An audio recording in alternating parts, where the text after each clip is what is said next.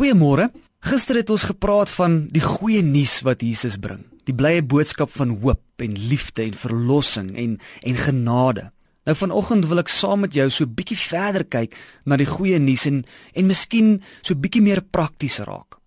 Nou as jy vanoggend eerlik moet wees, as ek jou sou vra, wie is God vir jou vandag? Wat sal jy my antwoord? As hy dalk ver en en verwyderd van jou af, so asof hy op vakansie is nê nee, en, en en niks met jou te doen wil hê nie. Is hy is hy naby of of is hy ver? Is hy 'n God wat aktief is of passief is in hierdie wêreld? Iemand het eendag gesê, "The single most important thing about you and me is what comes into our minds when we hear the word God." Is dit nie waar woorde nie? sien jou gedagtes en die betekenis van God in jou lewe is ontsettend belangrik. Hoekom? Want dit bepaal jou lewe, jou wese as mens. Nou hoe moet ons dan na God kyk? Die beste manier is om deur die oë van Jesus na God te kyk. Dis tog dis tog deur Jesus wat ons God sien en beleef. Nou Matteus 11 vers 25 sê die volgende. Daardie tyd het Jesus gesê: Ek prys U, Vader, Here van hemel en aarde, dat U hierdie dinge verslim en geleerde mense verberg het en dit aan eenvoudiges bekend gemaak het. Ja, Vader, so was dit u genadige bedoeling.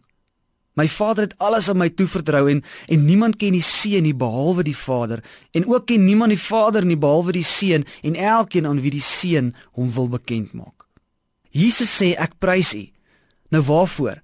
Hy sê ek prys u vir u volmaakte wil. En hierdie volmaakte wil word deur Jesus bekend gemaak.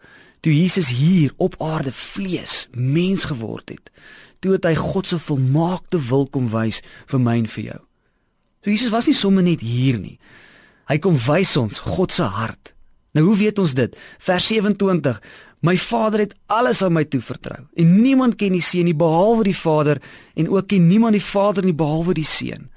Wat 'n ongelooflike stelling. Jesus ken die wil van die Vader en hy wys ons dit.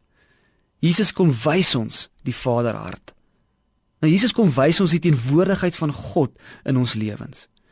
Ja, tye gaan verby wat God ver voel. Wat dit voel asof hy net net nie by ons is nie. Mense praat dan van van hoe naby hulle aan God beweeg en en dan wonder jy want want jy voel hom nie en en, en jy voel nie sy nabyheid nie. Is daar dan iets fout met jou? Nee, Jesus wys en leer ons God is intiem betrokke en teenwoordig in elkeen van ons se lewens. En hy is ook in joune betrokke. Glo dit maar.